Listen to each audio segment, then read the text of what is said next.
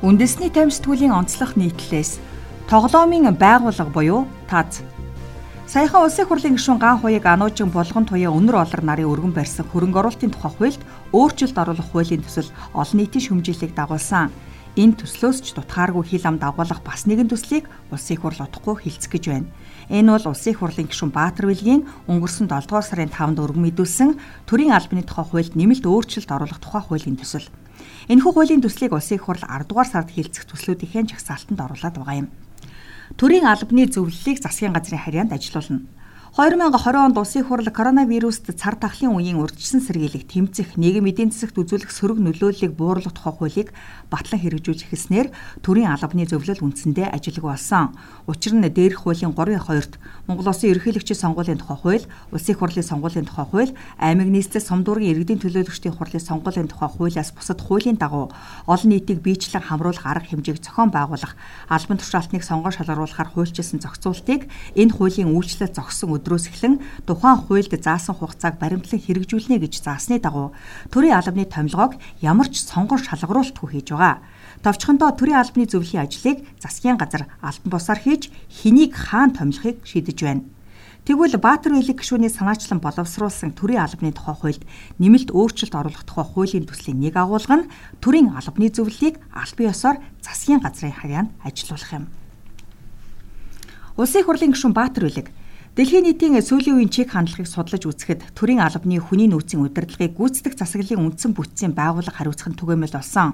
Тухайлбал эдийн засгийн хамтын ажиллагааны байгууллагын гишүүн 36 орноос Дани, Финлянд, Исланд, Ирланд, Испани, Норвеги, Австри, Бельги, Франц бүгд найрамдах Солонгос улс зэрэг 28 оронд төрийн албаны хүний нөөцийн удирдлагыг гүйцэтгэх эрх мэдлийн бүтцийн байгууллага хариуцж байгаа бол Хоёр улсад төвлөрсөн бүтэцгүй Монгол улсыг оролцуулаад Австрали, Британи, Шинзиланд, Швед, Канада гэсэн 6-аас төрийн албаны зөвлөлтөд төстэй бүтцийг хадгалж үлдсэн байна. Иймд дэлхийн нийтийн чиг хандлага өөрийн орны туршлагыг харгалзан төрийн албаны төв байгууллагын зарим чигүүргийг засгийн газар шилжүүлэх нь зүйтэй гэж үзсэн хэмээн хэлсэн юм а. Баатар элэг гишүүний боловсруулсан хуулийн төслөөр Улс төрөөс хараад бусаар үйл ажиллагаа явуулах ёстой төрийн албаны зөвлөл сонгуульд ялсан нам буюу засгийн газрын заавраар ажилдаг болох нь. Төрийн албанд ажилласан жилийн шалгуур тавиха болно. Уг нь манай улс төрийн албаны тухай хуулиа 2017 оны 12 дугаар сард шинжилэн батлаж 2019 оны 1 дугаар сарын 1-ээс хэрэгжүүлж эхэлсэн. Шүүсийг нь шахаж шинжилэн найруулсан хуулиа хэрэгжүүлээд 3 жил болох гэж байна. Шинчлэн найруулж баталсан төрийн албаны тухай хуулиар төрийн албаны томилгооны шалгуурыг өндөрсгсөн. Ингэхдээ төрийн албанд ажилласан жилийг нь гол шалгуур болгодог болсон юм а. Ийхүү төрийн албанд дэвшин томилогдох бүх албан тушаалтанд ажилласан жилийн хугацааны шалгуур тавих болсноор орон гарсан албан тушаалд нөхөж томилох хүний нөөц хомс гэдгийг шалтгаглан хууль санаачлагч Баатар Улиг төрийн албаны хуульд чих дэлдийлгэж нүд бүлтээлгэх хэд хэдэн өөрчлөлтийг хийхээр төсөлдөн тусгажээ. Энэ нь төрийн албанд шатлан дэвших томилгоо хийхдээ төрийн албанд ажилласан жилийг шалгуур болохгүй байх зохицуулт юм. Мөн анхаар татаж байгаа бас нэг зохицуулт нь Энэ хуульд заасан төрийн жинхэнэ албаны ерөнхий шалгалтанд тэнцсэн дээд боловсролын санхүүжилт суралцагчдын нийгмийн баталгааны тухай хуулийн 8-7 заасан журмаар тодорхойлсон дэлхийн шилдэг их сургууль төгсөн иргэнд энэ хуулийн 23-ийн 2-т заасан ажилсан жилийг тогтоосон тусгай шаардлага хамаарахгүй гэсэн заалт.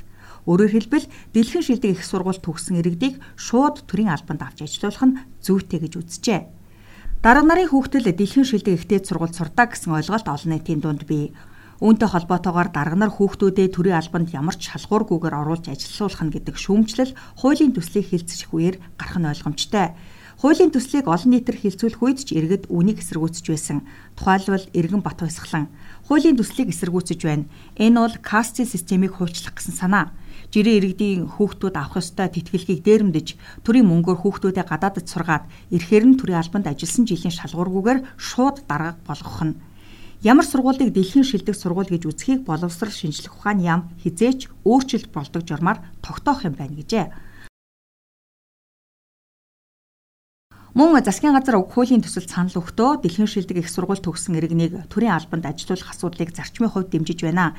Гэхдээ энэ зохицуулалт нь Монгол улсын иргэн төрийн алба хаах, төрийн албанд анх ороход тавигдах болцол шаардлагад тэгш бус ялгууртай нөхцөл тогтоохон зэрэгцээ. Үндсэн хуулийн 14-ийн 2 дахь хэсэгт хөрөнгө чинээ, эрхэлсэн ажил, албан тушаал, үзэл бодол, боловсрлоор нь ялгуурлан гадуурхаж үл болно.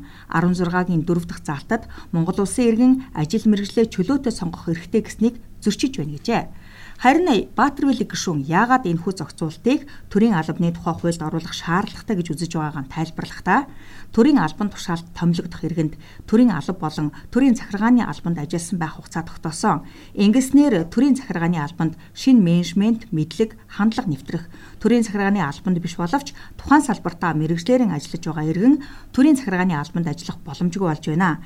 Иймд төрийн жинхэнэ албан тушаалын сул оронтойг төрийн албаа хаагчдаас гадна тухайн салбартаа мэрэгжлэрээ ажиллаж байгаа иргэнээс сонгож шалгаруулж нөхөх зохицуултыг оруулах нь зүйтэй гэж үзсэн хэмээн тайлбарлсан юм. Төрийн албаны зөвлөлийн одоо ажиллаж байгаа байдал ирээдүйд хуулийг нь өөрчлөх төлөвлөгөө зэрэгс харвал энэ байгууллага аль хэдийн эрх баригчдын тоглоомын байгууллага болжээ. Болж ич гэжтэй угаасаа л бараг тийм байсан. Одоо бүр албан ёсоор богтлогдох нь.